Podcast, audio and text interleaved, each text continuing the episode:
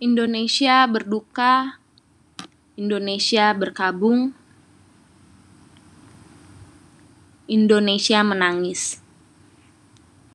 Inna ilahi wa inna ilaihi rojiun Presiden Republik Indonesia ketiga Baharudin Yusuf Habibi atau biasa disapa BJ Habibi tutup usia pada umur 83 tahun di RSPAD Gatot Subroto, Jakarta. Rabu 11 September 2019, beliau dinyatakan meninggal karena gagal jantung. Dan kali ini saya akan sedikit cerita tentang biografi BJ Habibie perjalanan beliau semasa hidupnya.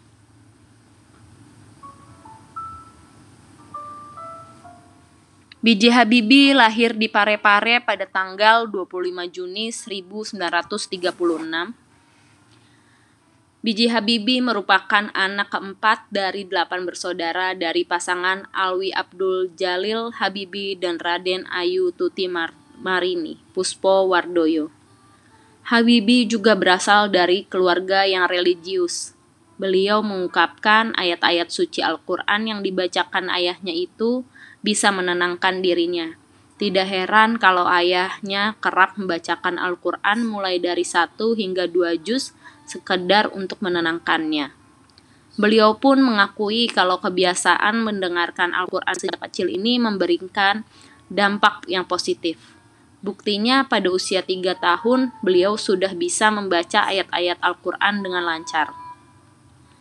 Otak jenius Habibi semakin terasa-terasa ketika memasuki bangku sekolah. Habibi saat remaja menempuh pendidikan SMAK Dago di Bandung. Di tahun 1954, Habibi melanjutkan kuliah ke jurusan Teknik Mesin Universitas Indonesia Bandung yang sekarang menjadi Institut Teknologi Bandung. Namun masa kuliah Habibi tidak lama, cukup setahun di ITB, Habibi kemudian memilih untuk kuliah ke Jerman. Tepatnya di Rhein-Westfalen Essen Technisch Hochschule dan memilih jurusan teknik penerbangan. Pada waktu itu beliau mendapatkan beasiswa dari Menteri Pendidikan dan Kebudayaan. Habibie menghabiskan waktu cukup lama saat menempuh pendidikan di Jerman, total sebanyak 10 tahun yang ia jalani oleh seorang Habibie untuk meraih diploma dan doktoral di Jerman. Di tengah-tengah masa kuliahnya, tepatnya pada 12 Mei 1962, Habibie memutuskan untuk menikahi Hasri Hainun Besari atau Ainun. Selama 11 tahun beliau memutuskan untuk tinggal di Jerman, menghabiskan masa studinya bersama sang istri. Dan meski tinggal lama di Jerman, kecintaan seorang Habibie terhadap tanah air tidak pernah pudar. Buktinya beliau memutuskan kembali ke Indonesia pada tahun 1973. Sosok beliau pun memang tak lepas dari pesawat terbang. B.J. Habibie bahkan mendapatkan predikat sebagai Bapak Teknologi Indonesia berkat kompetensinya dalam teknologi pesawat terbang. Si jenius yang pernah kuliah di Jerman pernah dijuluki Mr. Crack karena menemukan progression crack teori yang akhirnya dikenal dengan istilah Habibie teori. Teori yang ditemukan Habibie ini mampu mengakulasi keretakan pesawat karena proses terbang landas dan membantu rancang bangun desain pesawat modern buat menghindari kecelakaan. Hitung-hitungan Habibie sangat detail sampai tingkat atom material pesawat.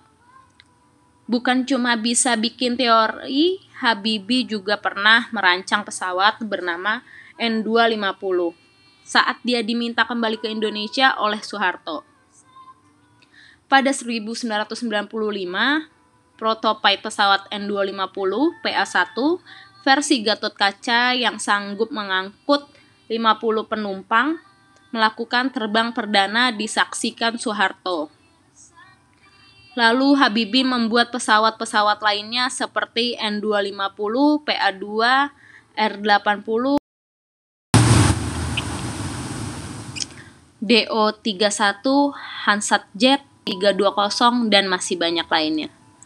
Pesawat-pesawat itu merupakan aset dan ilmu pengetahuan bangsa yang akan dikenang selamanya buat kemajuan bangsa Indonesia. B.J. Habibie ditinggalkan oleh istri tercinta yaitu Ainun pada tanggal 22 Mei 2010 dan dimakamkan di Taman Makam Pahlawan Kalibata. Di hari itu pula B.J. Habibie kehilangan separuh jiwanya. Habibie sempat depresi karena kehilangan sang pujaan hati tercinta. Dan kemudian akhirnya dia mencari cara untuk mengobati rasa sakit karena ditinggalkan dengan menulis buku yang berjudul Habibie Ainun. Dan kemudian diangkat menjadi film yang diperankan oleh Reza Rahardian sebagai Habibie dan Bunga Citra Lestari sebagai Ainun.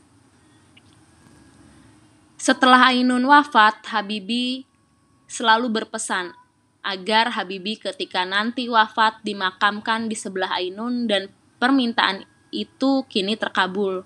Habibi yang tutup usia pada Rabu 11 September 2019 akhirnya dipertemukan dengan Ainun di TMP Kalibata sesuai permintaan Habibi kafling 121 untuk Ainun dan 120 untuknya menurut saya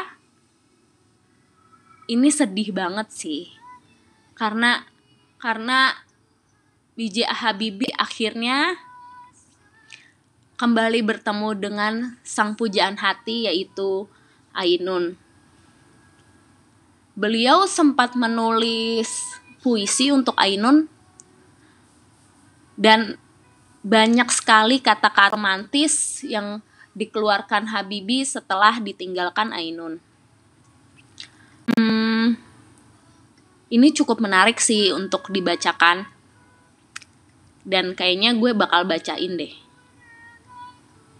Jadi Habibi ini menulis puisi untuk Ibu Ainun. Uh, nih, gue akan baca puisinya.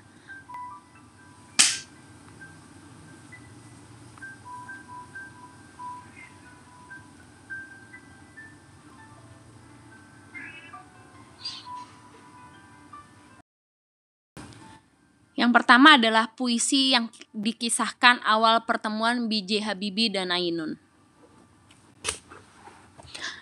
Hari ini tepat 50 tahun dan 8 menit yang lalu kita bertatap muka. Tanpa direncanakan, maka kita bertemu. Bagaikan kilat menyambar, memukau, mempesona, bagian dari getaran jiwa. Alunan getaran yang tinggi berirama denyutan jantung dan tarikan napas tak terkendali mengkalbui diri kita sepanjang masa sampai akhirat.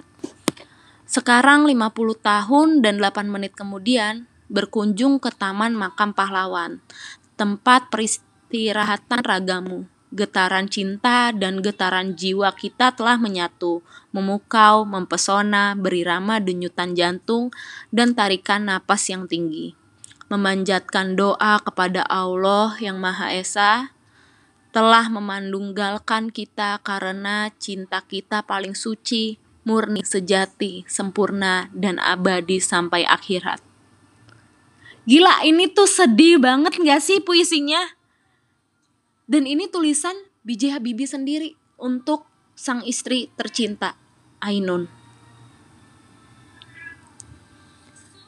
Puisi yang kedua, saat B.J. Habibie menikahi Ainun. Tepat jam 10 pagi 50 tahun yang lalu dengan ucapan Bismillahirrohmanirrohim, saya melangkah bertemu yang dilahirkan untuk saya dan saya untuk Ainun.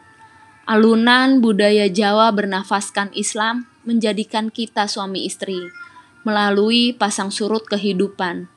Kemudian dengan kenangan manis membangun keluarga sejahtera, damai, dan tentram, keluarga sakinah.